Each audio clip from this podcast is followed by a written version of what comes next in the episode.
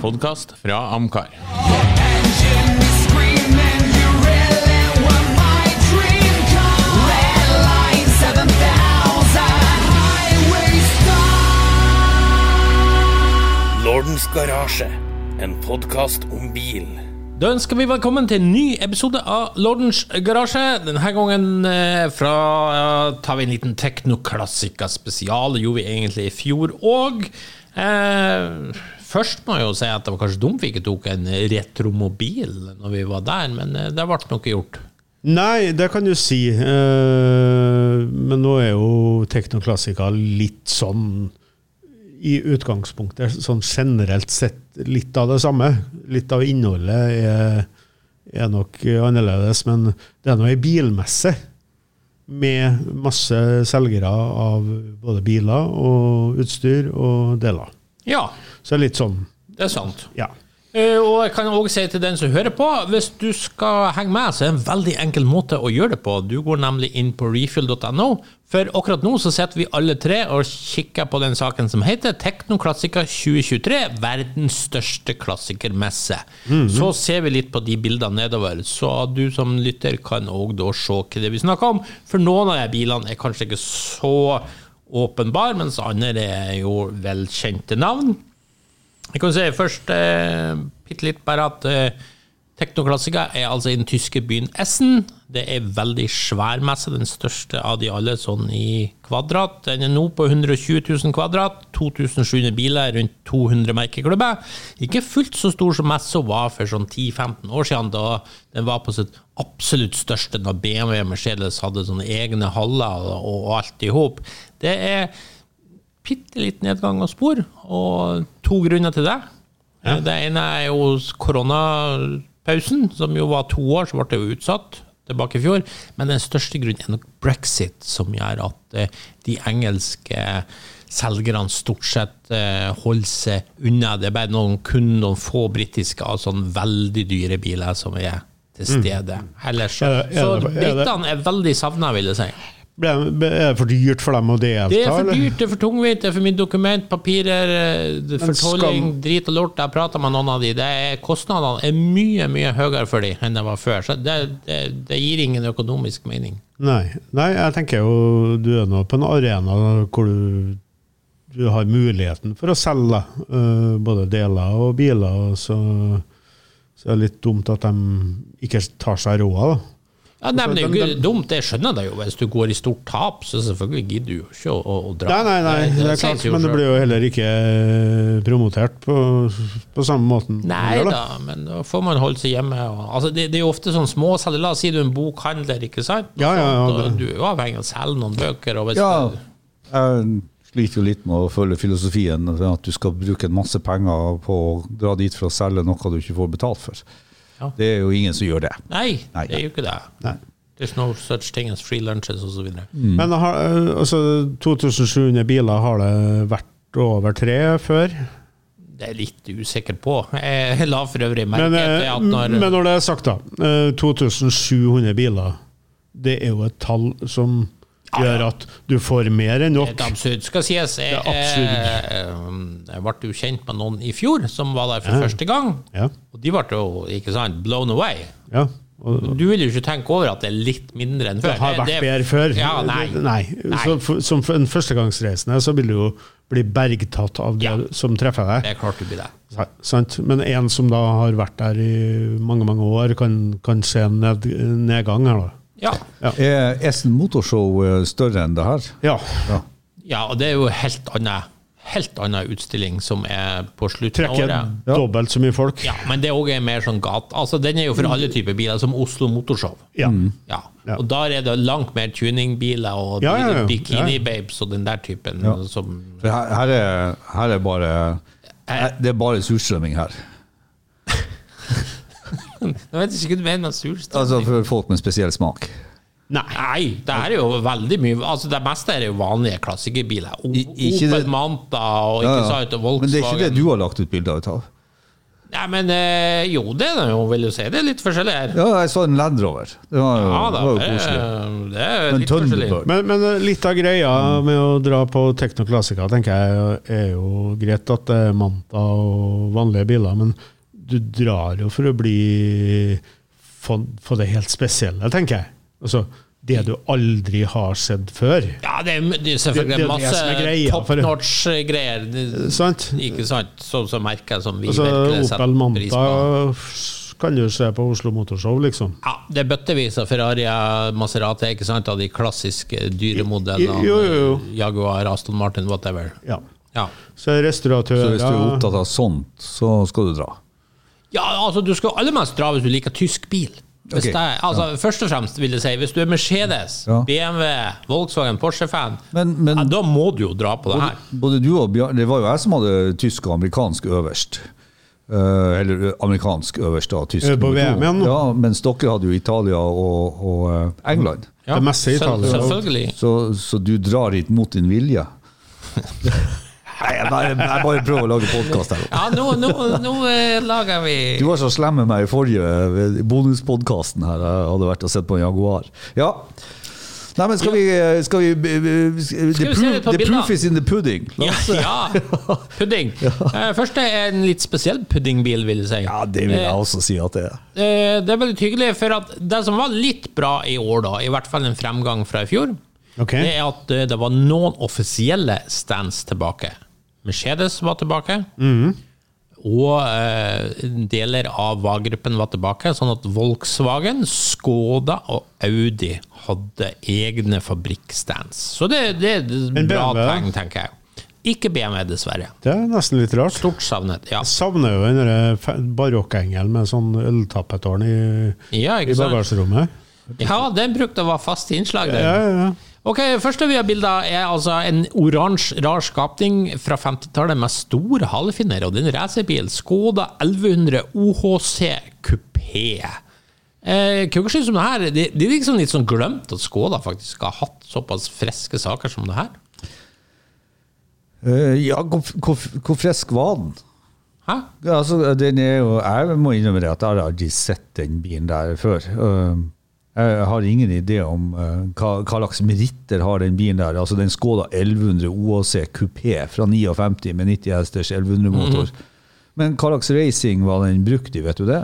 Det var vel laga da for eh, altså, den Sånn klassen tipper jeg opp til 1,1 liters. Ja, Millimilia var jo slutt da i var- det var det, ja. Ja. Da kjørte jo sist gang i 57. 57, ja. For der hadde Skoda en sånn Jeg, jeg tror Skoda, hvis jeg minnes riktig, i 57 så var Skoda med i Millimiglia med en sånn Jeg tror den het 1100, den også, men det var mer en sånn spiderbil. Ja, ja. Ja. Men det var jo masse eh, løp på denne tida, 50-60-tallet, der det var oppdelt Det er gjerne litt mindre klasser, også, sånn 750 kubikk, 1000 kubikk, 1100 osv. Så, videre. så bruksområder ville man funnet. Men det ble vel ikke satsa på det her, da. Jeg tror, altså, vi må jo huske også at Skoda på denne tida ikke sant? Hvor man lå? Man lå jo bak jernteppet. Så det klarte klart det var ikke noe lett å sette i gang. Nei, men 1100 kubikk og 92 hester, Ja, det er respektabelt, det. er respektabelt. I 1959. På- Ja, Absolutt. 200 km i timen er respektabelt, det òg.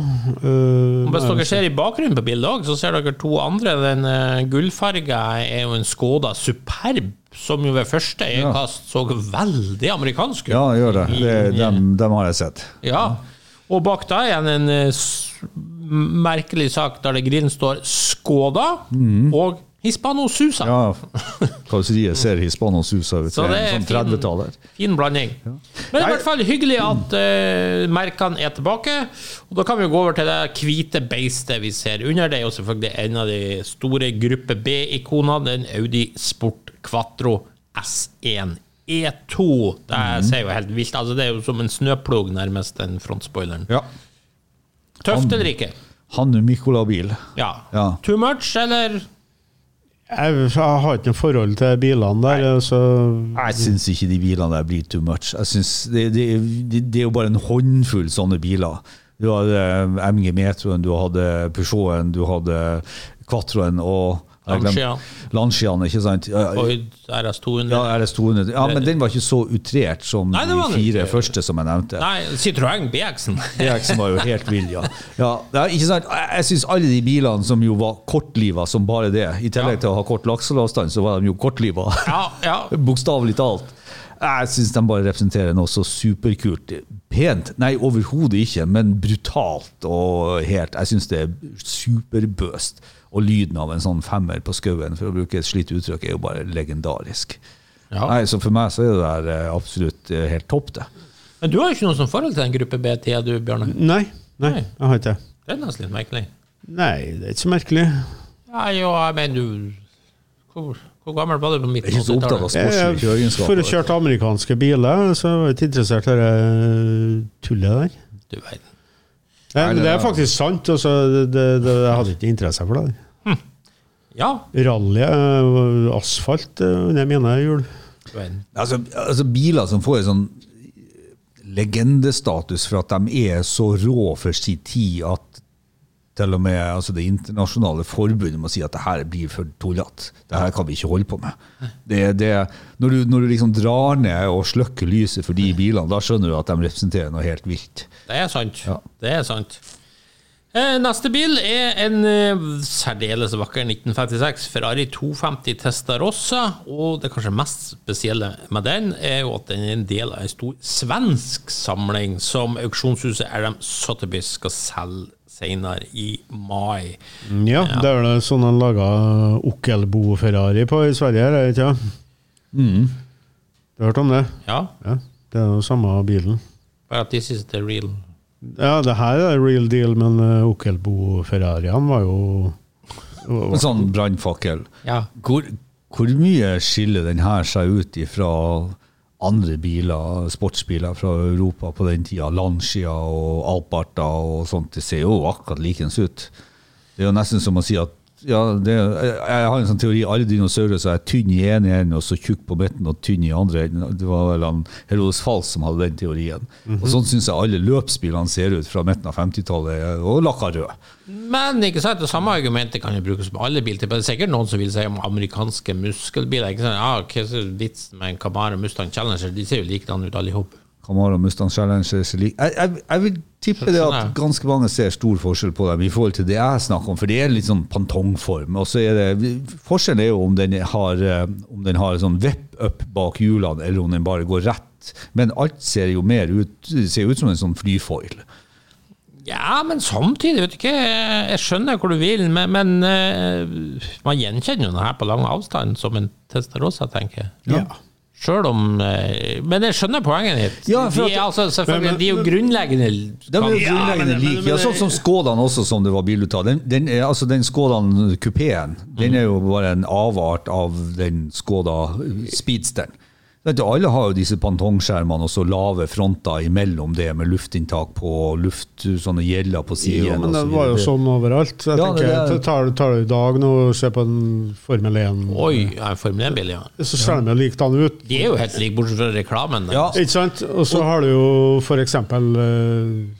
50-talls eh, biler fra USA. 56. Der ser jo ganske like ut, alle sammen. de er. Ja, altså, Så, så, så det, er det er liksom designet av sin tid, si- da. Jeg, jeg, jeg, jeg, jeg, jeg er ikke helt med på Jeg kjøper ikke den retorikken at disse 50-talls at en 57 Plummet og en 57 Chevy ser likens ut, heller ikke en 57 Ford. De er ganske distinktivt i design fra hverandre i forhold til det jeg snakker om her nå. Men eh, så, så det var bare en lang opptakt og litt refleksjon rundt om hvorfor blir alt det her så nydelig? Det, det, jeg sier jo ikke at det ikke er nydelig, men hvorfor blir alt det her så nydelig? Hvorfor blir den her vesentlig mye finere enn en Skoda 1100 OAC Spider? For den er jo akkurat likens. Uh, har vi sagt at den uh... Nei, men da er du enig i at den Skoda er akkurat like fin som Ferrarien? Nei, det vet jeg. Jeg har ikke sett en Skoda Spider som kan si ligner på det her, nei. Nei, Den er ikke like fin som Ferrari. Nei, nei, nei, nei. Nei, ikke nærheten. Nei, ikke vil jeg påstå. Det blir litt sånn som eksempelet du kom med i stad. 57 Chevrolet er utrolig mye finere enn 57 Ford. Ja. Ja, jeg synes jo Nei da, men jeg, jeg, jeg vet ikke det Jeg, har bare slått meg det at veldig mange av de her Abartene og Ferrariene, og spesielt de italienske designene og Maseratene og sånt, det er Maseratiene kanskje litt, skiller seg litt ut da. Særlig kupeene som har store griller. Men jeg, jeg syns det blir mye Det er litt forskjell på, variasjon over samme tema. det er litt forskjell på en V12-er og en 1100, da. Ja, det er det jo. Det, det, det, det er jo selvfølgelig to helt forskjellige verdener. Sånn sett, det her er jo øverste klassen i sportsvognracing. Nettopp, ikke sant? Så Nei, Ja. ja. Skal vi rusle videre til noe helt annet? Eh, En ting jeg merker meg på klassikerutstillinger, er en biltype som går igjen overalt, og i stort antall. De er superhot for tida, og det er klassisk Land Rover, altså series 1, 2 og 3. Eh, Og spesielt kanskje 3, det bøttes jo på med de seriene, og det er fine priser. Her er en series 388 på bildet, en bruner. Eh, 1967-modell. Det aller meste på denne bilen er nytt, eller som nytt, og prisen reflekterer det. 80 000 euro. Kunne du tenkt deg å betale noe sånt for en klassisk Land Rover, Bjarne? Nei, aldri i verden. Kunne du, Ove? Yes, jeg kunne det. Nei, ikke sant? Ja. Bjarne hater jo SUV, Ja. så det, det svarer Nei, visst for ham. og, og Land Rover har jo gjort noe genialt uh, som, uh, en, som, som eh, enda ikke eh, er blitt fulgt opp av andre. Men det kommer helt sikkert. Jeg tipper på Land Cruiser kommer på det samme, og jeg tipper også at Jeep eh, nå med Stellantis-gruppen kommer til å gjøre det samme. Nemlig det å opprette klassikerbruk, altså klassikeravdelinger, Yes. som tilbyr fullrestaureringer. Ja, ja. Og reprodusere Ja. originale deler. Yes. Og det gjør jo til at Så at når du ser en sånn serie 3, kort 88 som det her er, mm. superdigg bil. Og, og det, jeg har jo sansen for det. Kunne godt ha tenkt meg det. Jeg tror vi to har dratt frem en sånn kortserie i en tidligere episode som var til salgs i Norge, som vi absolutt kunne ha tenkt oss. Og det, og det går på, det at sånne biler lages ikke lenger. Det er en sånn Nei, Du kjøper jo ikke denne for å henge, henge med hvite knoker på rattet gjennom svingene. Det er jo ikke det du gjør. Det, er jo, det her er jo smil per mil. Det her er jo feel good-stemning. Det her er jo frihetsstemninga. Det, det er alle de tingene som du kan få uten å være stressa i det hele og det store, verken for politikontroll eller neste sving. For det, det kan jo ikke være med en sånn bil. Det er bare så deilig. Og så den her har jo litt sånn med en gang, og det ser jeg òg, spesielt på Land Rover, du må dra den mot det sivile. Altså, du, du må bort ifra den grønne militære Du, det er faktisk helt enig. Ja. Og til og med jeg, som jo normalt er veldig glad i militærkjøretøy, men på Land Rover, helt enig. Ja. Gå bort fra den der Army-looken. ja. Ja. Dra den inn i sånn sivil safari-look. Yes. Da- oh, safari, ja, ikke Ja, sant? Som om den skulle vært i Kenya 1975. noe. Innertida, Ja, ikke sant? Og alt det upraktiske med panser, eh, stepphjul og hele pakka. Mhm. ikke sant? Deilige biler. Så er de jo av en eller annen merkelig grunn sekssetere. Uh, ja, seks- eller syvsetere. Det er vel fire bak og tre foran. Ja, jeg er litt usikker. Men de er, dem er, det er bare så mye sjarm. Så du har jo Grand Cherokeen som du har samme. Vi begynner jo å se at uh, spissen ut til jeepene kommer. De er, eh, så mange av det, og, og Land Cruiserne, som jeg har sagt tidligere, Land Cruiser, det er legendariske biler. Jeg tror folk vil ha dem. Ja, det, vil- det vil de jo. Jeg ikke forstå, snakk med min svoger. Du ser markedet, for, og det er en grunn til at det er så mange av de her nå som er på, på de her store messene. Det, det kryr de. Og jeg var i Padova i fjor høst. Ja. Det var bøttevis av sånne series Inne 3 Land Rovere. Ja. Nei, det, nei, da, jeg har jo dratt frem en bil som jeg mener har en sånn moderne ekvivalent fra Land Rover, og det er jo Discoveryen. Den treeren. Den som ser rar ut, som egentlig er bygd på en Range Rover. Ja. Og bare har fått et mer praktisk karosseri med sånne Vista-vinduer i taket. Ja, ja, ja. Så når du begynner å tenke deg om om 30 år, hvor kult er ikke det at du har et sånn takvindu på han, og, og, og eh, har på å si, sånne oppbevaringsnett i taksiden osv. Det er en superkul bil. I dag får de for skitt og ingenting, og de finnes til og med med V8, ikke sant? Det vi gå, gå til neste, kanskje? Ja. Det var Land Rover-entusiasten Ja. Bjørne vil ha fortgang. Ja. Ja, det neste er ganske enkelt, det er vel ikke så mye å si. Det er, Jo, det er en si. Mercedes 300 SL. Personlig syns jeg er vanvittig nydelig eksteriør-interiør-kombo med den farga og de tartansetene. Men eh, det er kanskje ikke for alle smak, men for meg så syns jeg det var Du må helt si hvilken farge det er. Ja, hvilken farge er det? Det er vanskelig for å en slags Det, rosa-lilla metallic jeg vil, ja, den tenderer jo mer mot sånn burgunderrød okay. og rosa, tenker jeg, enn lilla. Ja, ja, enig, enig. Mer, ja. Vanskelig farge å burgunder, men han er definitivt lipstick. Nei, ja, Ja, jo, jo, jo, jo. lipstick. Du ser der han fyren står og bøyer seg, så får du jo slipper du å få lyset, så blir det litt mørkere. Ja, det var vanskelig. Ja. Ja, Mener du at du skal bedømme fargen ut ifra mørtna? Du må jo se der fargen er lys, og der er han Ja, men det står eh, 3000 watt rett på, så ble det brukt. Det helt riktig. Ja. Men, men i Og, det er jo det andre, når du, når du blir uenig om hvilken farge det er, da har du bomma. Ja, men uansett, utrolig deilig, og jeg er så lei av å se de her sølvfarga 300 S-ene. Ja, det er jeg helt enig i. Det er akkurat det som er. Altså, du, har, du har ikke bomma når folk begynner å diskutere farge. For da har du truffet. Forresten, så, nei, jeg, hvis folk står og lurer på hvordan, Hvis du har restaurert bilen din for fem millioner kroner, så står folk og lurer på hvilken farge er det egentlig. Sant? Det, det er jo bare kult. Nei, Det det syns jeg, det synes jeg er jeg kult. Du, må, Dritkult. du må alltid velge en Da, farge da, har du, som er, valgt- da har du jo valgt som folk du må alltid spekulerer velge en farge som er definerbar. Nei da. Her er lipstickfarge. så det- Den, den så klessete ut på bilen. Den ødela bilen. Nei. Såpass? Ja, ja, jeg synes det. Det var derfor jeg sa det var mye å si om den. Ja. Ja. Du liker Nei, jeg- sikkert ikke tartansettene heller, da? Tartansettene er helt magisk. Ja, det liker jeg. Sant? Så jeg, jeg gir meg heller en svart sånn med grønt eh, tartaninteriør. svart, så kjedelig. Svart med Ja, grønt det, i det tartaninteriør. ødelegger jo hele Ja, bilen. det ødelegger helt bilen. Altså der, ja.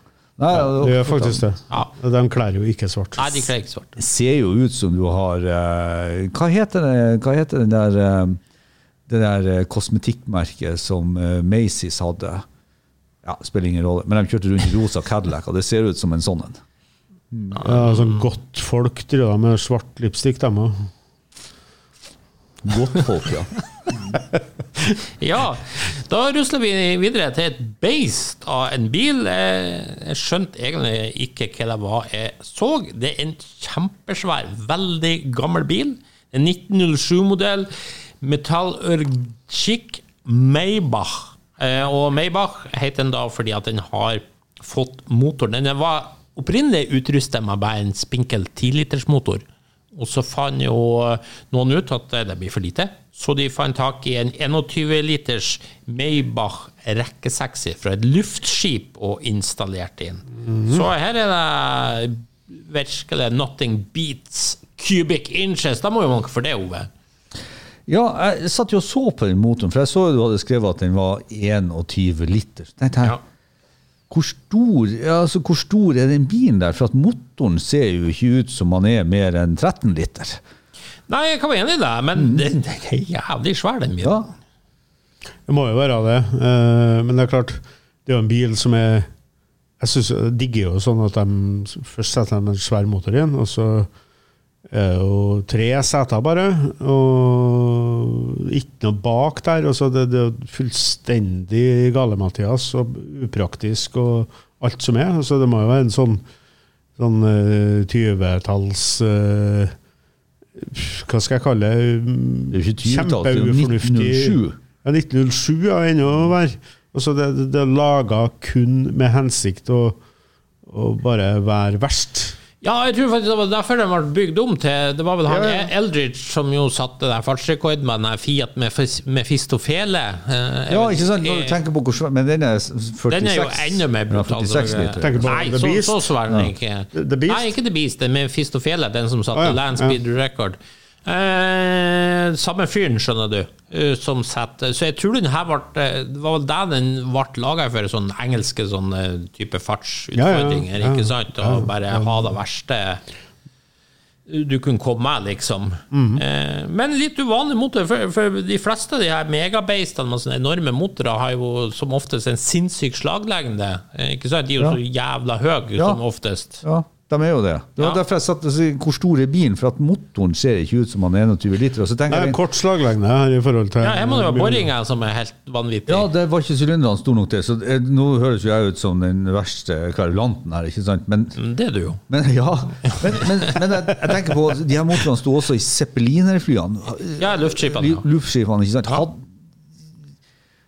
det kunne jo ikke være store motorer til de flyene, til, de luftskipene, for at da, da ville de jo krevd så jækla mye mer. Men altså, det er jo, det er jo som Bjarne sier, som du sier, det er jo et beist av en bil. Det er jo utgangspunkt bare to, to jernbaneskinner med noe karosseri og en svær motor fremme. Og så, men det ser jo ut som en bil, da.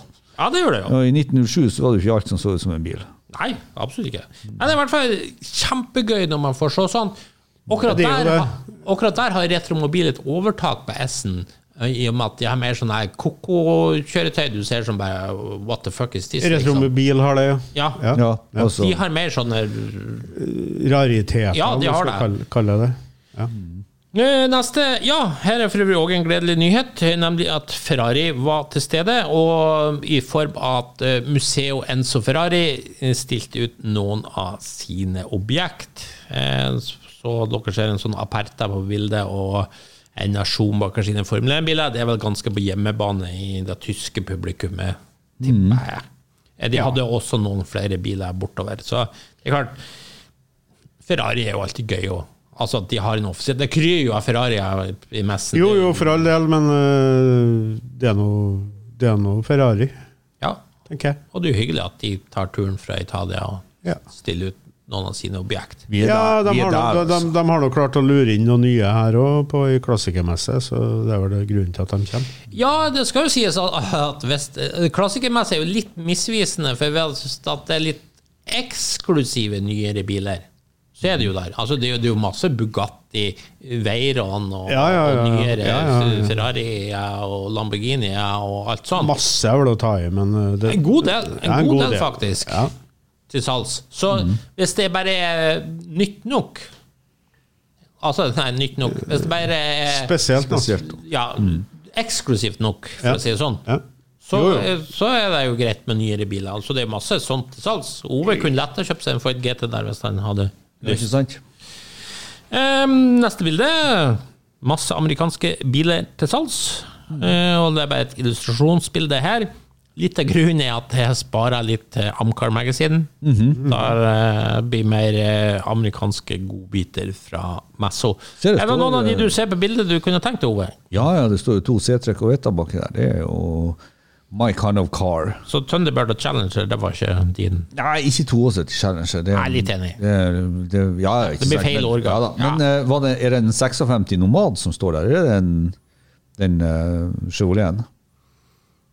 Er det en Nomad, eller er det en Vanskelig å se. Rørstolpe? Ja, det er ikke så lett å se. Det husker jeg ikke farten. Jeg burde huske det. Men eh, det var så mange biler at man går litt i surr. Du går litt i surr, ja. Ja. Jeg ser òg bare fronten at den er 56. Men det som er, det som er Her blir jo bildet med prislappene på, det er jo eh, med, med, med sylvask norsk kronekurs, så er det jo ganske dyrt å kjøpe seg amerikansk bil i utlandet. Ja.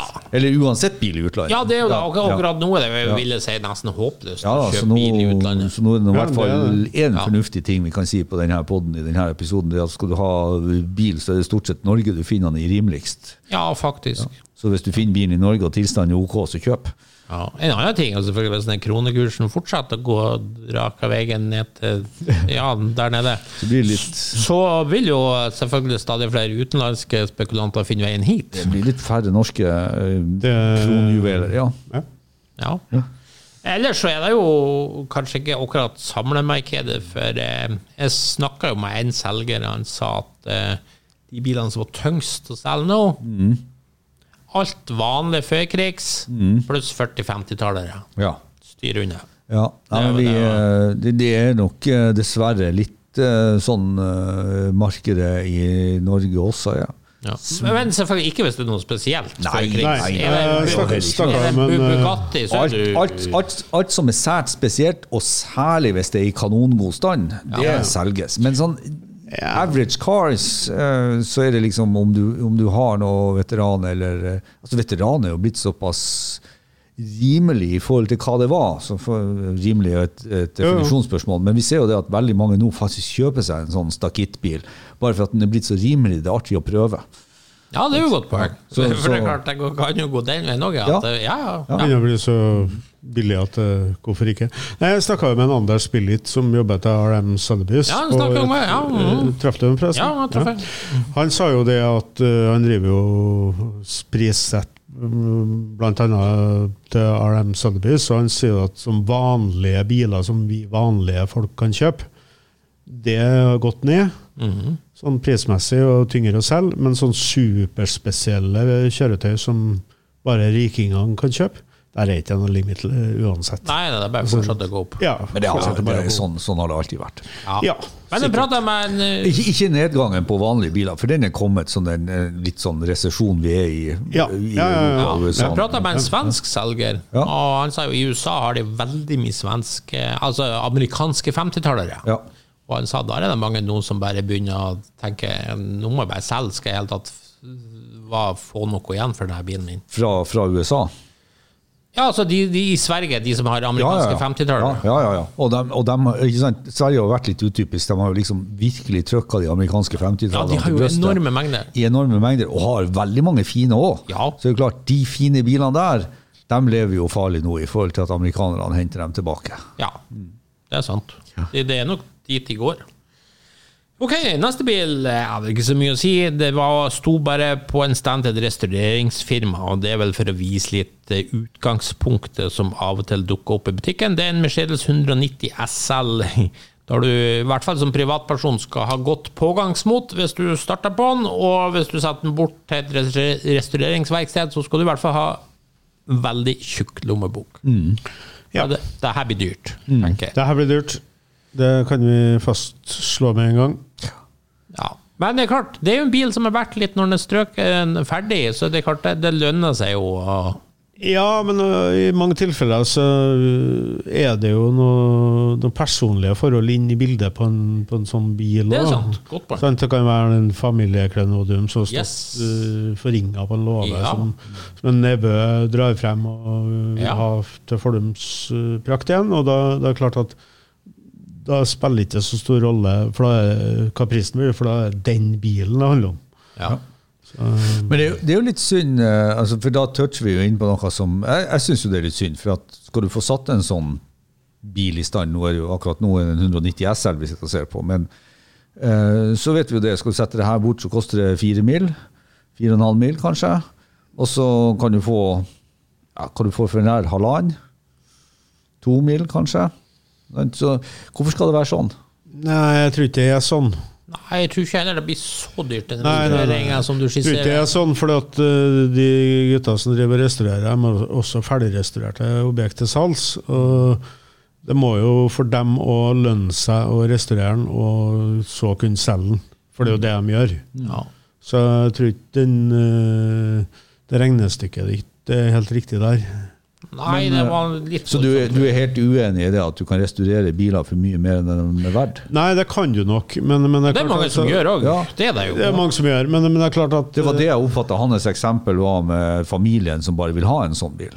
Ja, det, det det, er det, altså- hender seg jo. Ja. Spesielt kanskje hvis det er litt Men det er, jo ikke, det er jo ikke det som er mest vanlig, det er jo unntakene. Ja, Ja. ja. ja. Ja, Det er unntakene. det er unntakene. Det som er mest vanlig, det er jo det at noen går i gang og restaurerer bilen, og så bruker man veldig mye mer midler på den bilen enn det den er verdt etterpå. Og så ser du at alle vil ha den, men ingen vil betale det det koster. Og det er jo, Ja, det er jo ofte en utfordring. Men, men det er litt sånn, for at du har jo sånne 190 SL-eksperter som setter i stand bilene til nystand, og selger dem. da, og, og det der skal de jo tjene penger på. så, så jeg kan jo aldri tenke meg at restaureringskostnadene overgår salgssummen. Okay. da er de jo konkurs etter bil den her, én. nei. nei, nei. Men hadde du hatt en vanlig BMW 316 sant, som skulle restaureres, så, Jo, jo, jo, så, så ville det jo Jo, jo, jo. regnestykket bli Jeg vet ikke hva en sånn 190 SL går for eh, topprestaurert heller, men det kan jo kanskje være en to-tre millioner i dag òg, det. Nei, det tror jeg ikke. Ja, det, ikke så Nei, Det er akkurat derfor jeg tenker at denne bilen klarer du ikke å få igjen det det koster å restaurere. Men la nå det ligge, da. Ja. Eh, Neste, og det var litt interessant. Fordi det er jo en del firmaer som har prøvd seg på elektrifisering av klassiske modeller. Men i år på hesten så så jeg kun eh, Jeg tror det var to, men jeg så bare én. For jeg hørte noen snakke om det var en til en. Og det var den Porsche 911 vi ser på bildet, og det var så å si ingen som brydde seg om denne bilen. så jeg. Det var laber interesse. og Du er kanskje ikke så interessert, du heller. Nei, absolutt ikke. Nei. Men eh, det er hyggelig å se at eh, det er heller ingen andre. For å si det sånn. Ja. Altså, du, du må gjerne bygge om din eh, gamle klassiker til elektrisk hvis du absolutt vil, men for meg så gir det ingen merverdi. Da, for meg så mister jo bilen hele sin sjel da. Men det er med. Ja, du, bilen ble jo totalt forandra Altså eh, galskap, spør du meg, å gjøre det. Ja, tenk oss på den 911 som har den vakre motorlyden, ikke sant? Og så Ja, ja. skal du bare ha den vaskemaskinsubben. Ja, altså det, eneste, Ja, det det eneste du sitter igjen med, er jo utseendet på bilen. Ja, faktisk. Ja. ja, det mener du. Det, det er det ikke verdt. Nei, jeg syns jo ikke det, for at uh... Hvis du, nå, hvis, hvis du nå er en sånn ihøga treklemmer og syns det at eh, verden skal være utslippsfri når du kjører, og så vil du ha en sånn bil Ja, ja, ja. ikke, altså, For all del, for den som er der, så får de bare gjøre det. må jo tro at de folkene som eh, ønsker en sånn, er der. Ja, ja, ja, ja, ja, nå det. Ja, det, ja. Nei, altså, det, det, du kan ikke ta ståsted i egne støvler når du skal prøve å sette deg inn i hvorfor folk Nei, vil elektrifisere. jeg jeg kan jo ikke sette meg i andre sine støvler Du gjør jo det ellers når du skal drive og Det- biler. ikke sant? Nå syns jeg du tar støvlene på ryggen og springer. Jeg, jeg, bare, jeg bare tenker det at eh, elektrifisering av klassiske biler, det er, det er jo ikke noe som jeg tror kommer til å bre veldig om seg nå i starten, men jeg tror det at vi ser at det er der, og jeg tror at vi ser at det er seriøse firmaer som har begynt med det, eh, så tror jeg det at det er noe som vi kan komme til å se mer av. Og jeg tror faktisk noen kommer til å ønske det òg. Jeg tror faktisk noen ønsker det. Jeg tror ikke det er noen som gjør det bare for at de, eh, de eh, har lyst til å provosere. Jeg tror vi kommer om fem til åtte år så kommer vi til å se folk som faktisk ønsker å få elektrifisert klassikerbilen. Femtekolonister. I din verden, ja. Men, nei, nei, nei, det, Ja, men problemet er jo altså, det, det er litt seriøst òg, for hvis mange nok går den veien, så Ja. blir det jo til slutt ingen som vil tilby vanlig bensin eller noe sånt til vi som har bensinklassikere. den, den vet du jo at jeg er opptatt av for ti år siden. For det tror jeg er et reelt eh, problemstilling uansett. Ja, det er jo det. Vær, vær, vær klar over det at Norge får på pukkelen uh, i disse dager når denne podden tas inn pga. at vi åpner for nok et sårbart område. Men det er jo ganske mange som mener det at Norge burde bare stenge igjen nå. ikke sant? Og mm, ikke være så opptatt av hvem som selger den siste oljen, for at det er jo litt det Norge bruker som et forsvar til å gjøre det her. At vi skal liksom sørge for at Europa i hvert fall får en gass og olje som ikke er levert av en, en, en totalitær stat. Men uh, poenget til motparten er at de sier at ja, men de her andre landene de kommer til å skru av kraner. Altså Tyskland og de her landene kommer til å si nei til norsk gass lenge før den tid. Så jeg, jeg, jeg tror det med tilgang til rett drivstoff eller drivstoff, det kan bli et problem i fremtida, men ikke de første ti årene. Ja, det oss Ja, Mens L, el, det har du kontakten din på utsida. du har det. Ja.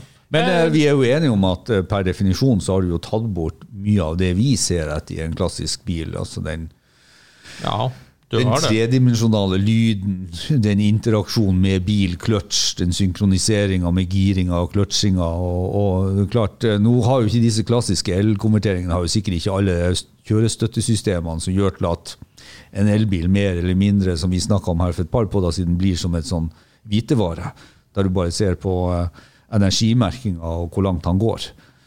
Eh, Så har jo de klassiske kanskje litt attributter igjen, men det er jo ikke mye. Ja.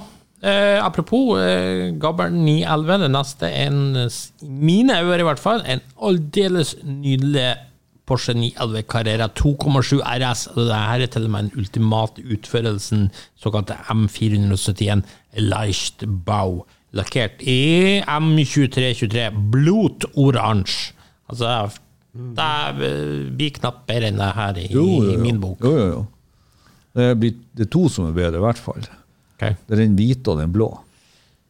Nei, igjen, det er litt for alminnelig. Det er litt for oppbrukt. Sånn som den sølvgrå SN. Jeg vil ikke ha noe hvit Carrera Klarer ikke den 2,7 her RS. blodoransjefargen på Ja, nydelig.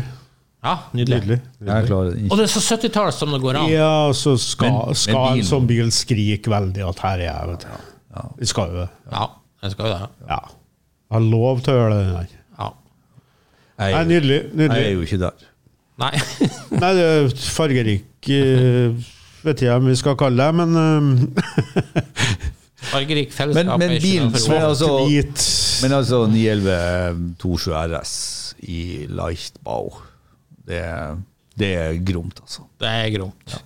Da går vi over til en svensk stand, eh, der det var eh, mye feite biler. Her ser vi en Jaguar XJ220 sammen med en BMW M1 i sånn widebody procar-stil. Sistnevnte er visstnok eid av et medlem av Bonniem og alle ting. Til salgs for 650 000 euro, den M1. Jeg så ikke prislappen på Jaguaren. Nei. Eh, hvilken av de her to ville dere hatt? Hvis dere har fått den? Jeg tror faktisk jeg ville ha tatt Jaguaren. Mister Jeg hadde tatt M1. Jeg har også tatt M1, ja. Uten tvil. Jeg syns bare jeg mener er så utrolig vakker bil, og er jo supertøff når han får det her Procar-skjermene og vingen bak og ja, ja, det, er jo nydelig uansett, da, det, men det er jo vinger og spoilere. Så. Fly on the wings. Ja. Bam, bam, bam. ja. Ja da. Men det er klart, det her er jo biler som har et fint samlemarked. Jeg mener det er jo en, det er jo en bra pris på de. For eksempel, jeg sammenligner med en naturlig konkurrent fra den tida, den Ferrari, den Brigitte Bardon, som vi jo har nevnt før.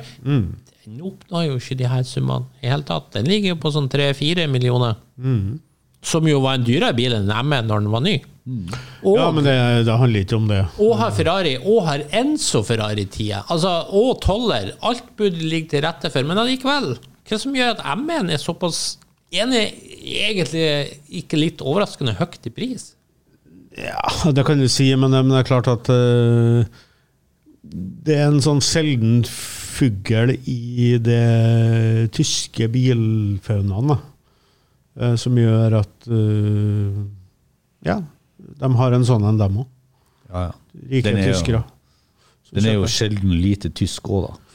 Ja, Ja, det kan er du jo si, men, det, men tross alt så står det noe BMW på den, selv om Ja, ja, ja. det ikke er så mye tysk i den, så, så står det BMW på den. Og, og så er det en vakker bil, og den har eh, det meste, egentlig. Og det er jo lave produksjonstall. Så Men, men hvorfor skulle ikke Jaguaren eh, være bedre?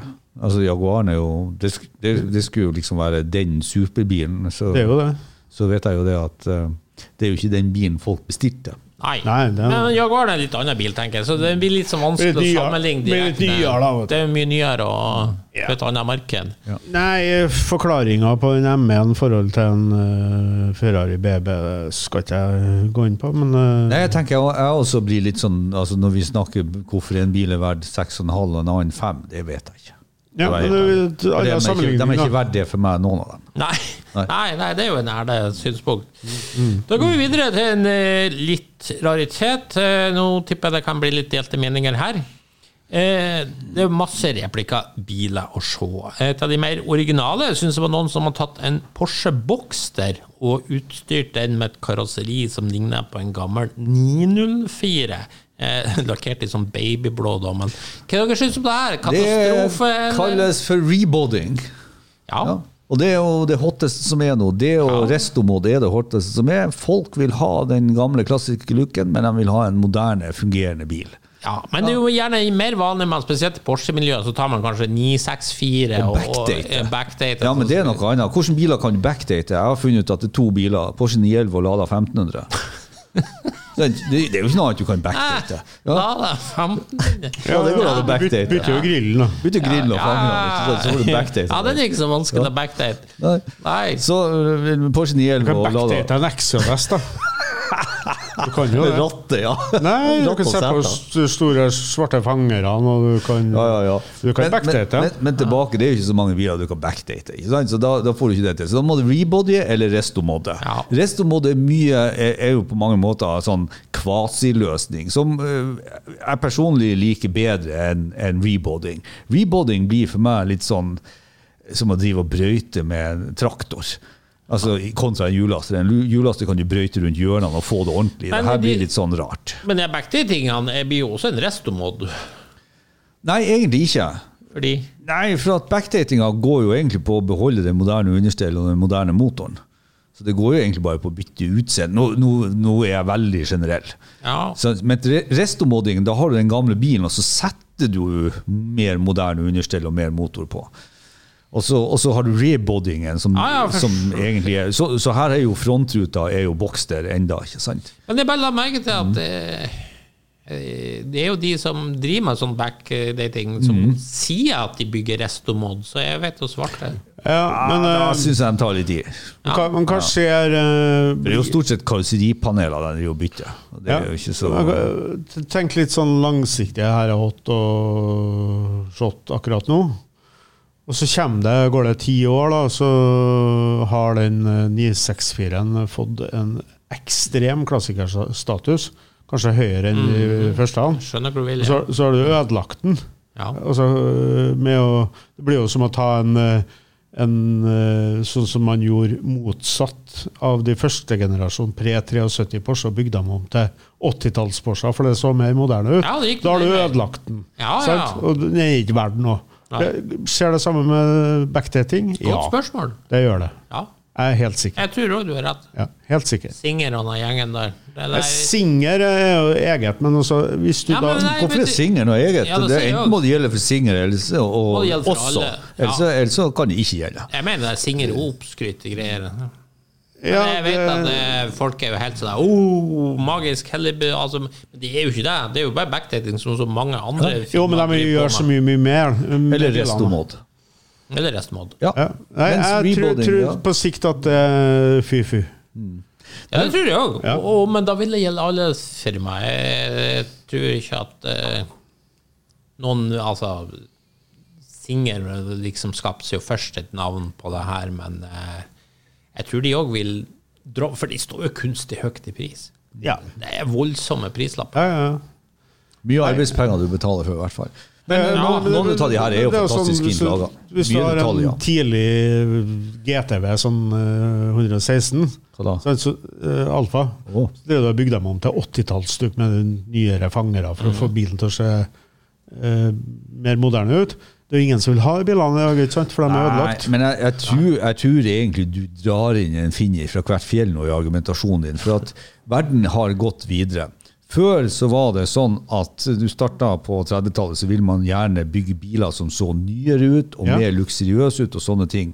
Det som skjedde på 90-tallet og i hvert fall eh, utover 2000-tallet, det var det at det kom så mye kjøretøytekniske reguleringer inn at bilene begynte å se annerledes ut. På en negativ måte, sånn som mange produsenter sier i dag. De skulle ønske de kunne lage bilene sånn som de laga dem på 70- og 60-tallet. Og det har gjort at man får backdatinga. Jeg tror ikke det er så veldig aktuelt lenger å jobbe med å lage seg en bil som ser nyere ut. Til slutt på den tida når man saga ut splitten på 63 Corvette Split Window for å få det til å se ut som en 64-modell, vi er forbi den tida, ikke sant? Så jeg, jeg tror ikke argumentet ditt er litt sånn gammeldags. så- Argumentet ditt er forelda. Nei, men Du ser jo det er bare to biler du kan backdate. Ja, to Det er- biler du kan backdate. Ja, Ja. det er Lada og 911, sier du. Ja, lada 1500, ja. Ja, 1500. Og 1500. 911, ja. Ja, Det gjelder nå bare for dem, da. Og backdate. Ja. Ja, du, du ga jo et eksempel der du tok en 70-taller og laga en 80-taller. ja, det man gjorde før. Det er jo ikke backdating. Det var det man gjorde før. Future dating. Det, ja, det er future dating. Og, og det er klart at uh, nå har man snudd, ordner backdating, og jeg tror det blir akkurat det samme med de bilene. Ja, men, nei, men, ja, men jeg, jeg tenker Grunnen til at jeg sier 'finner fra hvert fjell', det er jo det at det skjedde jo når bilen var tre år gammel. Eller to år gammel. Eller for Corvette-eierne sin del, i 64 saga de splitten ut av 63-en. For å få den til å se ut som ett år nyere bil. Men du tar jo ikke 50 år etterpå og tenker at jeg skal bygge om en 72 Audi C1 til å få den til å se ut som en 77. Nei, men du Det, tar, det, er jo ikke, det, det er jo ikke et eksempel som er valid engang. nei, men du tar jo en, eh, en eh, 90-talls Porsche for å få det til å se 20-30 år gamlere ut. Ja, for at karosseriet er finere, og det er et enklere designuttrykk. Ja, men jeg tror at Og det er jo backdating. Det, ja, og det tror jeg Og det jo prismessig, så tror jeg det er smell gæren vei. derfor kjøper folk en Mercedes SLK og rebodyer den med et Mercedes 190 SL-karosseri på. Mm. For de vil ha Men- det klassiske utseendet med den moderne bilen. Skal vi gå tilbake til bilen på bildet? Ja. Kunne dere ha kjørt rundt i en sånn? Nei, Nei, for at jeg syns faktisk ikke den Porschen der er fin. Men det syns jo dere, så dere må jo kunne tenke dere Du, jeg kunne. Jeg syns den var gøyal. Ja. Den er gøyal, jeg er enig. Jeg synes det Det- var et gøyalt prosjekt. Det var, for at tross alt så beholder man jo frontruta. Ja. Uh, og den passa inn i helheten. Ja, det her, så jeg, så jeg syns ikke det var noe tullete forsøk i del av historien, men jeg syns jo faktisk uh, Boxstern er finere i seg sjøl enn han var i den her. Ja, men eh, jeg tenkte det er vel litt morsomt. Litt originalt. Ja, det er det ikke er så mange som har gått eh, den veien. Litt sånn Barchetta-stil over det. Ja. Ja, neste er vel ikke så mye å si. Egentlig er det et bilde av en 300 SL Roadster og en BMW 507. Poenget er bare at uh, tyskerne lagde faktisk to av 50-tallets Ja. peneste åpne biler. Men nå kommer du til noe som jeg har et spørsmål på. Ja, den Lamborghini Miura Jota Tribute-saken Med fine, barokkfelger. ma- med noen fine blomster. Ja, Jotan hadde det. Han hadde det? Ja. Ja. Ehm, så det står for øvrig rundt den denne såkalte Siha-paviljongen. Siha er jo arrange arrangørene Ja, ja. av- Messo, og de har hvert år et merke de feirer rundt der. Og i år var det at Lamborghini feirer 60 år, så det sto noen Lamborghinier rundt. Hvor av den tøffeste var jo selvfølgelig den her. Det er jo blitt bygd en del sånne Jota Tribute-biler opp Ble igjennom. laga mange originaler? Én eller to? Én, En, ja. som en uh, visstnok en eh, ung mekaniker skulle imponere ei ung jente som fikk sett på etter arbeidstid, og så dro han av veien. Stilig. Han brukte bil, med andre ord. Ja, det, Ja, det jo det. Men du, det ble den jaggu brukt på forhånd, for da var Bob Wallace testføreren Ja, ja, ja. som kjørte gale-Mathias med bilen. Men eh, i hvert fall, den ble skrota. Men det var mange som har fått bygd diverse sånne eh, lignende biler. Den ser jo grisetøff ut. Men ja. Hva, hva Ja, det, det er backdating, det der òg. Re Reboding. Ja, det er jo bare en Miura som er ombygd for å ligne på en Ja, ja. Miura Jota, kan du si. Ja. Men tøft er det. Veldig kul. Veldig kul. Neste er to Toyota som du ikke ser hver dag. En Celica Heldigvis. Cabriolet. Da tenker jeg i hvert fall USA med en gang. Her cruiser vi Florida eller noe sånt. Ja. Og en 1970 Land Cruiser FJ55. Akkurat på bilen på bildet har faktisk vært i Norge i seks år før den ble solgt til Tyskland. Ja. Men det viser at det er en del av tøffe Toyota-ting der ute som man kanskje ikke automatisk tenker på. Ja, altså, det de- jeg, jeg, jeg tror jo Japansk design har jo litt særpreg, det òg. Ja, absolutt. Og, og så kan man si veldig mye om det, men de har sitt særpreg. Og jeg tror de finnes i gruppe. Og jeg må bare si at etter hvert som man gror mer komfortabel med form- og designuttrykket, så begynner man å se masse verdier. Så jeg syns den FJ 55 er ganske sånn kul. jeg.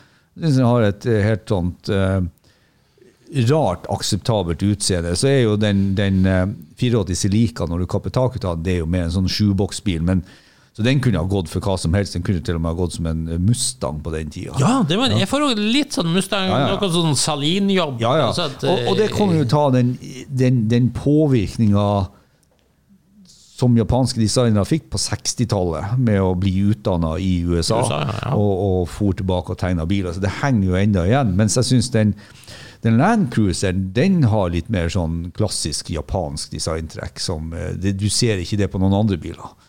Nei, men Problemet med den Land Cruiseren for meg da, er Mm. at den er jo samme segment som Land Roveren, og, og, og den blir bare så mye kulere for meg. Så Ja. selv, om, selv om Land Cruiseren er morsom, så blir det ikke Land Roveren. Sånn, I min nei, nei, det kan du si. Det blir ikke Land Rover. Men vi ser jo det at når du kommer på nyere Land Cruisere, så blir det jo mer enn Land Rover. Altså, Ja, vi ser jo, det, er jo det er sant. Gjerne når du kommer opp i dagens buksbilsegment, så eh, i hvert fall på 10 år gamle, 15 år gamle biler, så er det nok eh, mange flere som foretrekker å kjøpe en brukt Toyota enn en brukt Land Rover. Ja. Og jeg tar for gitt at ingen av dere var noe for det, Bjørnar. Neste. Ja. Neste, ja. Porsche påstår jo de oppfant Targa-taket. Eller jeg vet ikke om de påstår det, men det er i hvert fall mye Porsche-entusiaster som påstår det. Vignale Wonderful. Fantastisk navn. Ja, jeg synes det var Eh. Bygd på en Fiat 1200 Grand Luce av karosseribyggerne hos Vignale. De bydde på Targa-tak allerede i 1957, som bildet viser. Veldig kult design, veldig amerikansk med de halefinnene. Ja, magisk stilig bil. Nydelig fargekombo òg. Ja, ikke sant? Kjempefin. Ja, Absolutt. Og det viser jo bare at Man skulle ikke forbause meg om det var noen andre som var før det her igjen. For man skal være veldig forsiktig med det her Skal være forsiktig med det. først. Det neste, ikke så mye å si, tenker jeg. Beach buggy er litt gøyalt. Da ser du kanskje ikke så ofte klassikersammenheng, men jeg vil ikke så veldig mye å si. Jeg syns det er kjempekult, men syns dere? Det er jo livets bil. Livets bil? Ja, det er jo livets bil. Beachbuggy, ja. Ja, ja, ja. Eh, hvor kult er ikke beachbuggy? Ja. Jo, det er jo Elvis Presley-kult, eh, Stephen McKean-kult, og jeg vet ikke om uh, James May er kul, da, men altså, det er jo Det er derfor jeg kaller Det det kult. Ja, nei, jeg syns jo beachbuggy har gjort på rette måten, så syns jeg det er Jeg syns faktisk James May er kulere enn Steve McQueen. Men det var noe. ja, jo, jo, men ikke sant, jeg, sa, jeg prøvde jo å nevne tre Ja. navn som liksom kan assosieres med, med June Boogies, da, som er Ja. beach boogies. ikke sant? En av de, nei, jeg syns det er kjempekult. jeg, og det er, men de, de må være gjort på rett måten, og, og for å si det sånn, gjort på rett måten, så koster de ikke 60 000. Nå skal jeg bare ta en antakelse. Jeg kan aldri huske at vi har diskutert beachbuggy, men nå bare tipper jeg at det er ikke noe for deg, Bjarne. Nei. Nei, og vet du hvorfor jeg tipper det? Ja, kom med. Du tar det sjøl litt for seriøst. Du, Ja, ja. Du, du kan ikke ha sånne biler der du kanskje Nei, nei. ser litt fjollete ut, hvis du skjønner. Nei, nei, det kan ikke jeg. Du, er du med, Ove? Hvor du vil? Han er litt mer sånn imageman. Han må se seg sjøl i det her kasinoet i Monte Carlo. Ja, ja, det er helt riktig. Han er jo imageman, ikke Ja. sant? Så, så det er jo greit. Men jeg tenker jo, det er jo et image til Junebuggen også. Så, men, eh, men eh, nei, jeg, jeg, jeg tror Bjarne Rein generelt er ikke noe for noe som noen har bygd sjøl. Nei, nei. Du er mer på Ja, sånn- ja. Sant? Ikke liker han uh, eh, Ikke liker han future dating og backdating og ikke restomod. Ikke sant? Men, og, og har jo helt rett i at uh, den som beholder bilen sin original lengst, er den som vinner. Ja, ja. ja. eh, Ja. Eh, Nesten ikke så mye å si, for vi har akkurat vært inne på det. Det er akkurat backdating, som du sa. Bla, bla, bla. Og så har vi en aldeles nydelig Ferrari 250 GT Shortfield Base Berlinetta Cefac, kjørt av de meksikanske Rodriguez-brødrene. Det kom fra en privat samling. Ikke til salgs, men jeg tipper at hvis du spør, så er det sikkert mulighet for å få kjøpe den, og da tror jeg nok vi snakker prisområdet 200-300 millioner kroner. ja. This is the real deal. Altså For det første er jo 250 GT Shortfield Base en bil som står høyt i pris. Nydelig bil. Vi har vel nevnt den her før. Dette er til og med den racingversjonen ut av den. Eh, Meksikanske Rodriguez-brødrene, begge var i Formel 1. Altså, Her er det så mye løpshistorikk. Du har alt rett. Alt er rett. Det her må bli kostbart, tenker jeg.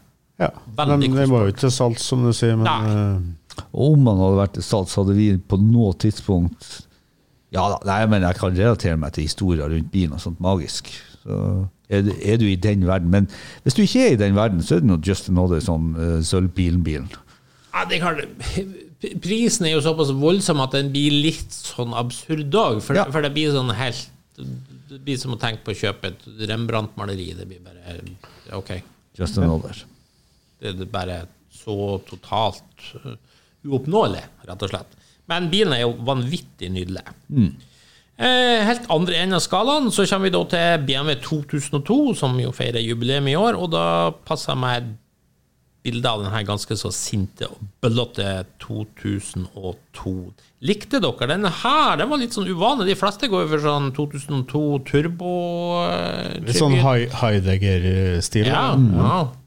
Ja, for sin tid så var det jo tøft. Jeg syns det var tøft. Jeg kunne godt tenkt meg å komme ja, ut til parkeringa her. med fargen her og alt sånt. eh, Ja, ja. Ja. Jeg vil ha den. vil ha den. Enn du, Ove? Nei, det, det utfordrer Jeg syns jo Nei, den eh, Nei, det utfordrer meg litt, men det er jo sånn De var jo sånn, de bilene. Jeg har jo sett dem sånn. ikke sant? Det er jo Ja, det var jo det. I løpssammenheng. Jeg, jeg syns jo karosseriformen blir mer Men jeg er jo litt mer eh, tilbakeholden. Sant?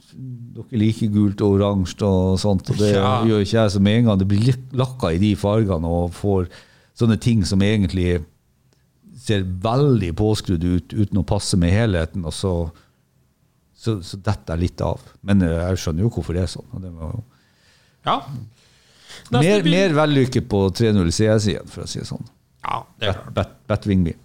Neste er ifølge det lille infoskiltet på den verdens minste Lamborghini. Mm. Eh, spør du meg, mye kulere enn det Lamborghini sjøl driver med nå om dagen, men eh, Nå snakker vi altså om en eh, Hva det her er? Beltetraktor. Beltetraktor, er det det? ja, det er en liten beltetraktor for sånn hagestell, tipper jeg. Det ser jo ikke lett ut, så du bør jo ha, du bør, du bør jo ha bra fundamentert hage, da. Ja, det er for så vidt sant. Ja, og jernbelter. Så jeg tenker at Hagen blir kanskje ikke så fin. det, det som en gang var en hagen blir så fin etterpå, nei. Nei, nei. kanskje, Det kanskje er mer en kuriositet. Men det er jo, det er jo fascinerende hvordan det her med traktor og sånne små eh, Sånne små kall det for jordbruks- og anleggsmaskiner har tatt av i samleverden. Ja. Det har det virkelig gjort, altså. Og da ser vi godt på sånn klassikermesser med Lamborghini spesielt, kanskje. Ja, Men det er jo da Lamborghini har røttene sine, så jeg tenker det er jo helt riktig. Hadde, Nei, ja, fra, hadde jeg vært en Lamborghini-samler med dyp eh, lommebok, selvfølgelig ville jeg hatt noen sånn her i Skal garasjen. ha den sånn en i hagen, ja. Ja, ja. Ja. så man skal ikke glemme sine røtter. Nei, nei, nei. Neste bil tror jeg er noe for Ove. Nei, tror du det? Den sto på utendørsområdet til salgs. En Citroën DS21 Majesty av Chapron. Med en prislapp på 137 500 euro. Det der må være bil for deg, Ove. Nei, det er ikke bil for meg. Er det ikke det? Nei, nei, det Det er er bil for meg, vet du. En bil for deg? Ja, det er mer Digger- Bjarne-bil, ja. Digger den der. Hvorfor var ikke det her for deg? Er ikke du litt svak for masse Citroën? Nei, vet du, akkurat den her, akkurat den her eh, Majestyen syns jeg ikke han har vært uh, heldig med. For jeg, jeg, av en eller annen grunn så syns jeg ikke det er en slags form for pagodatak med det bua frontruta som er det, det, det er kanskje litt det at man ser på man ser på DS-en som et såkalt vel, så vellykka design at det er ganske vanskelig å lage det bedre. Jeg syns jo Ledandy, den korttakkupeen, er tøff. og jeg synes Du, da sto en Ludandi til salgs innendørs. Ja, Nei, langt mer sliten tilstand, da. ja og, og eh, nå husker jeg ikke navnet i farta på Men jeg er enig i at Ludandi er jo Ja, den er helt eh, sånn Det er maks. fantastisk. Så, Det er fantastisk. ja.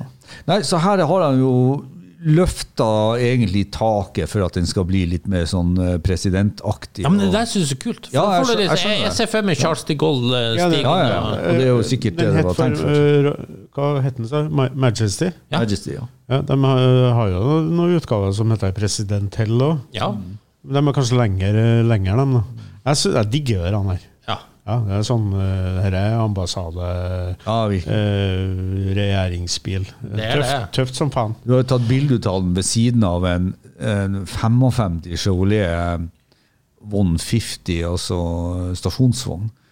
Det er jo ganske forskjellig designuttrykk fra to biler som er fra omtrent samme tid. ja, faktisk en Bel Air, den der. En Bel Air. Ja. Bel Air. Bel Air. Ja. Firedørs stasjonsvogn, vel. vel. Med stolpe, ja. Men det er, det er en artig bil. ja. Eh, apropos artig bil. Neste vil jeg i hvert fall påstå er artig. For på den offisielle standen Volkswagen Nutzfahrzeuge så tok de med seg en heimbygd Raupenfuchs, som på norsk betyr larverev. Ja. Altså rev, rev, for de som måtte eh, ha dialekt. Jys, eh, jyske rev. Ja, det er altså en Volkswagen type 2 T1 som en eier i Alpene ønsker å kjøre bratte bakker med. Og spør du meg, grisetøft. Ja, ja. Ja. Absolutt. Ja, Likte du den òg, Bjarne? Du Ja, ja, ja. altså på sånn Nå er vi mer ute i skogen, det er jo ikke din arena. Nei, men uh, stakkars Sveits og Brattbakken Skog skogen, Sveits, Ja, ja, ja. er det greit. ja nei, vi, hadde jo, Nei, det er bra. vi hadde jo en avart i Norge òg, altså fra Mustad. Så det er jo, eh, som også laga en sånn en. Så det er jo eh, Nei, det er jo eh, artig bil. Larven var jo for øvrig et svensk eh, snøscooterpåfunn, det også, der du bare hadde beltene, og så måtte du sette på scooteren sjøl og bruke egne ski for å svinge med. Så det var jo et fantastisk konsept som, Ja. eh, som hjalp dem som produserte ski. Ja, det var litt gøyal. Enig. Nei, men det er jo eh, Men det, det, det her er noe som en har bygd sjøl, ikke sant? Det er ikke noe som Volkswagen Volkswagen Nei, det er en som har bygd sjøl. Ja. Men det er såpass velbygd at det nesten kunne sett ut som om fabrikken har bygd det sjøl. Ja. Apropos velbygd, så har vi ei mektig stasjonsvogn. Eh, vi skal over til Mercedes W126 S-klassen, som jo mine øyne er en vanvittig nydelig bil. Det var de kunder derimot som ville ha den i stasjonsvognutgave. Det fikk de ikke fra fabrikken, så da måtte de få den bygd om. Og her ser vi en 500 SEL bygd om til stasjonsvogn. Kjempetøft i min bok. Hva syns dere? Nei, nei eh, altså det her er, Du ser jo at det her ikke stemmer. Altså, Man har klabba på en sånn siste rest bak uh, det som er helt originalt. Så det blir noe feil her, altså.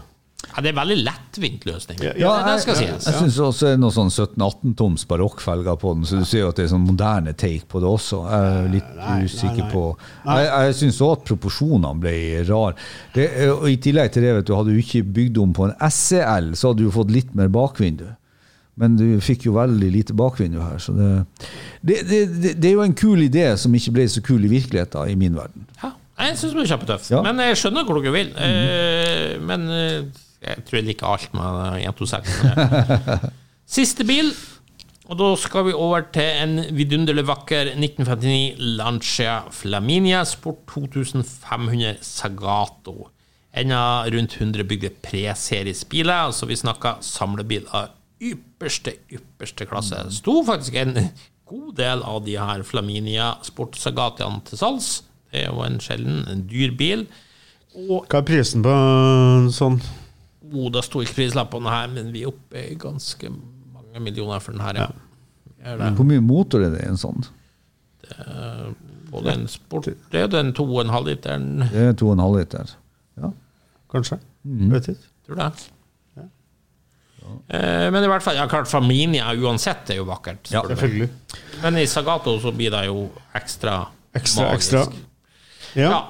Hva dere tenker sånn ellers for å oppsummere hvor dere tror jeg går videre for sånn her Er store klassikermesser fortsatt noe som vil trekke masse folk til seg, eller har vi nådd piken på en måte at eh, Altså, hvis du tenker på folk blir jo eldre og sånt. Og den typiske Ja, bilentusiasten blir jo også gjerne litt eldre. Så det er det jeg mener.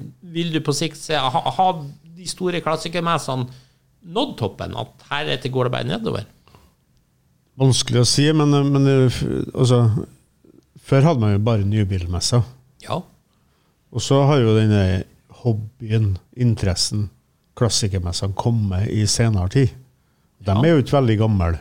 Nei, det, Sant? den her starta jo i 89, for eksempel. Ja. Ja, si 80-tallet som egentlig er Ja, så, så, og da var det veldig spede greier som man ja, egentlig ikke hørte så, noe om. så jeg, jeg føler at de har vokst, selv om du sier at det kanskje er litt mindre nå enn det var.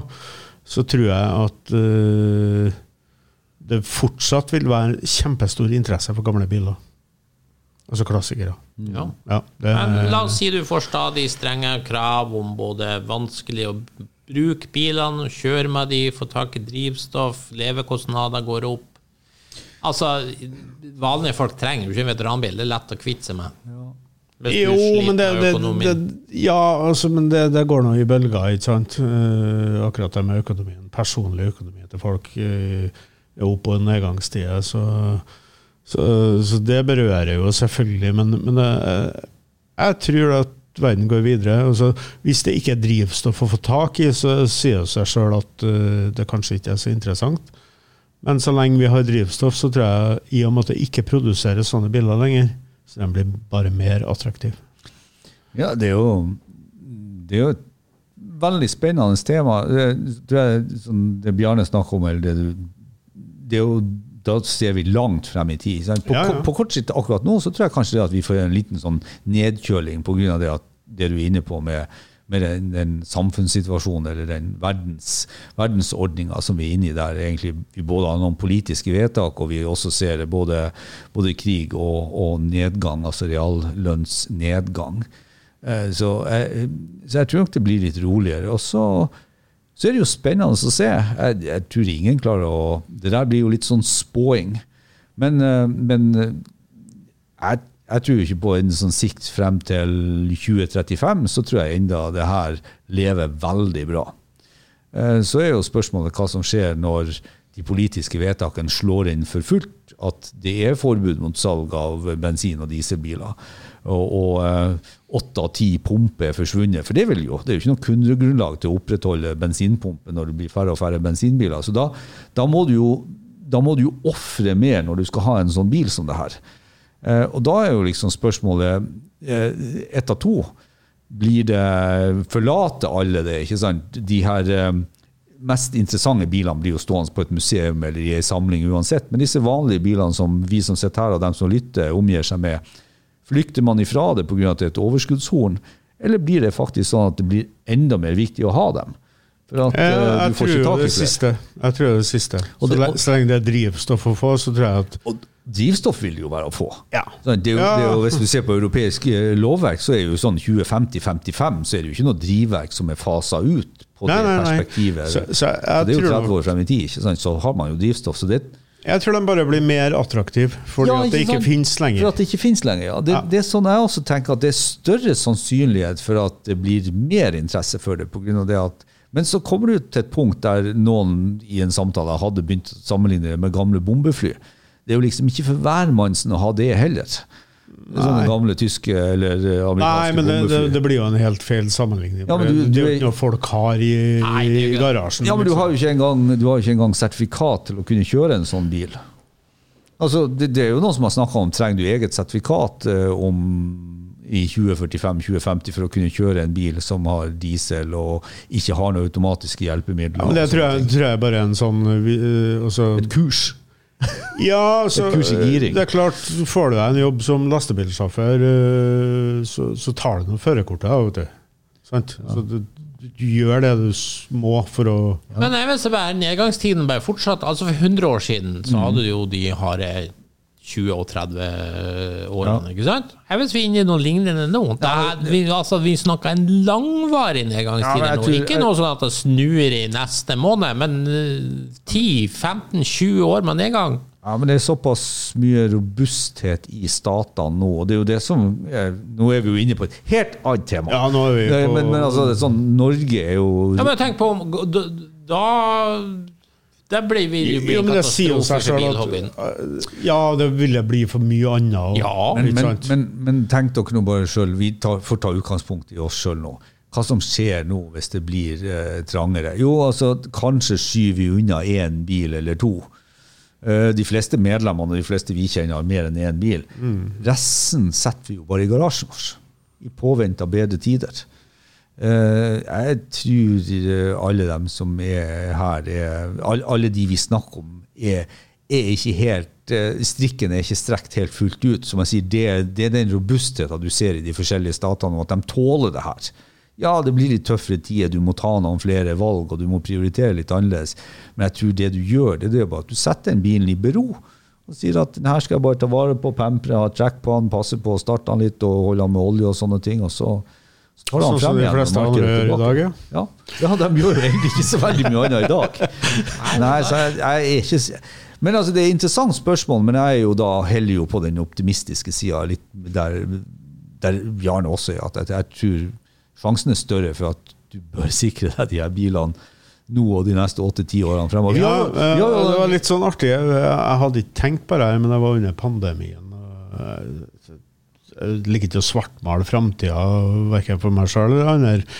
Så jeg er nå ute og kjører, for det var nå liksom det du kunne gjøre, å være alene i bilen.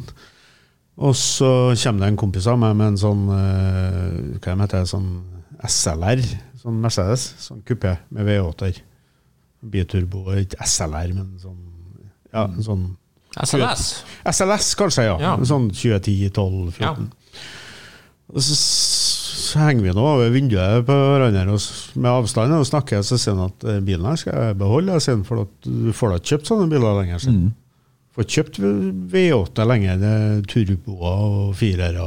mm. Så jeg skal bare beholde den, Sin. han. Så det var sånn Oi, ja, har de slutta å produsere? Ja, de har det. Ikke jeg ser på sånn Porsche Boxster. Eh, Jeg skal- skal ikke si sur firer, men altså sekseren er bort, fireren er erstatta med turbo og mindre utslipp. Tre S-sylindere, Toyota GR og, og så, du, du får ikke kjøpt de store motorene lenger, og det, det tror jeg mange som vil ha. Ja. Uh, Ja. Har jeg skal kjøpe meg en Boxster, skal jeg ikke ha den siste. Jeg skal ha den siste, jeg skal ha den med sekser for lyden sin del. Sant? Så, så jeg, jeg er jo der sjøl. Tøft. Ja. Ja. Nei, men da Ja, har du villet ha den fireren da, med sånn folkevognlyd? Det er ikke så nøye, bare bilen er artig å kjøre.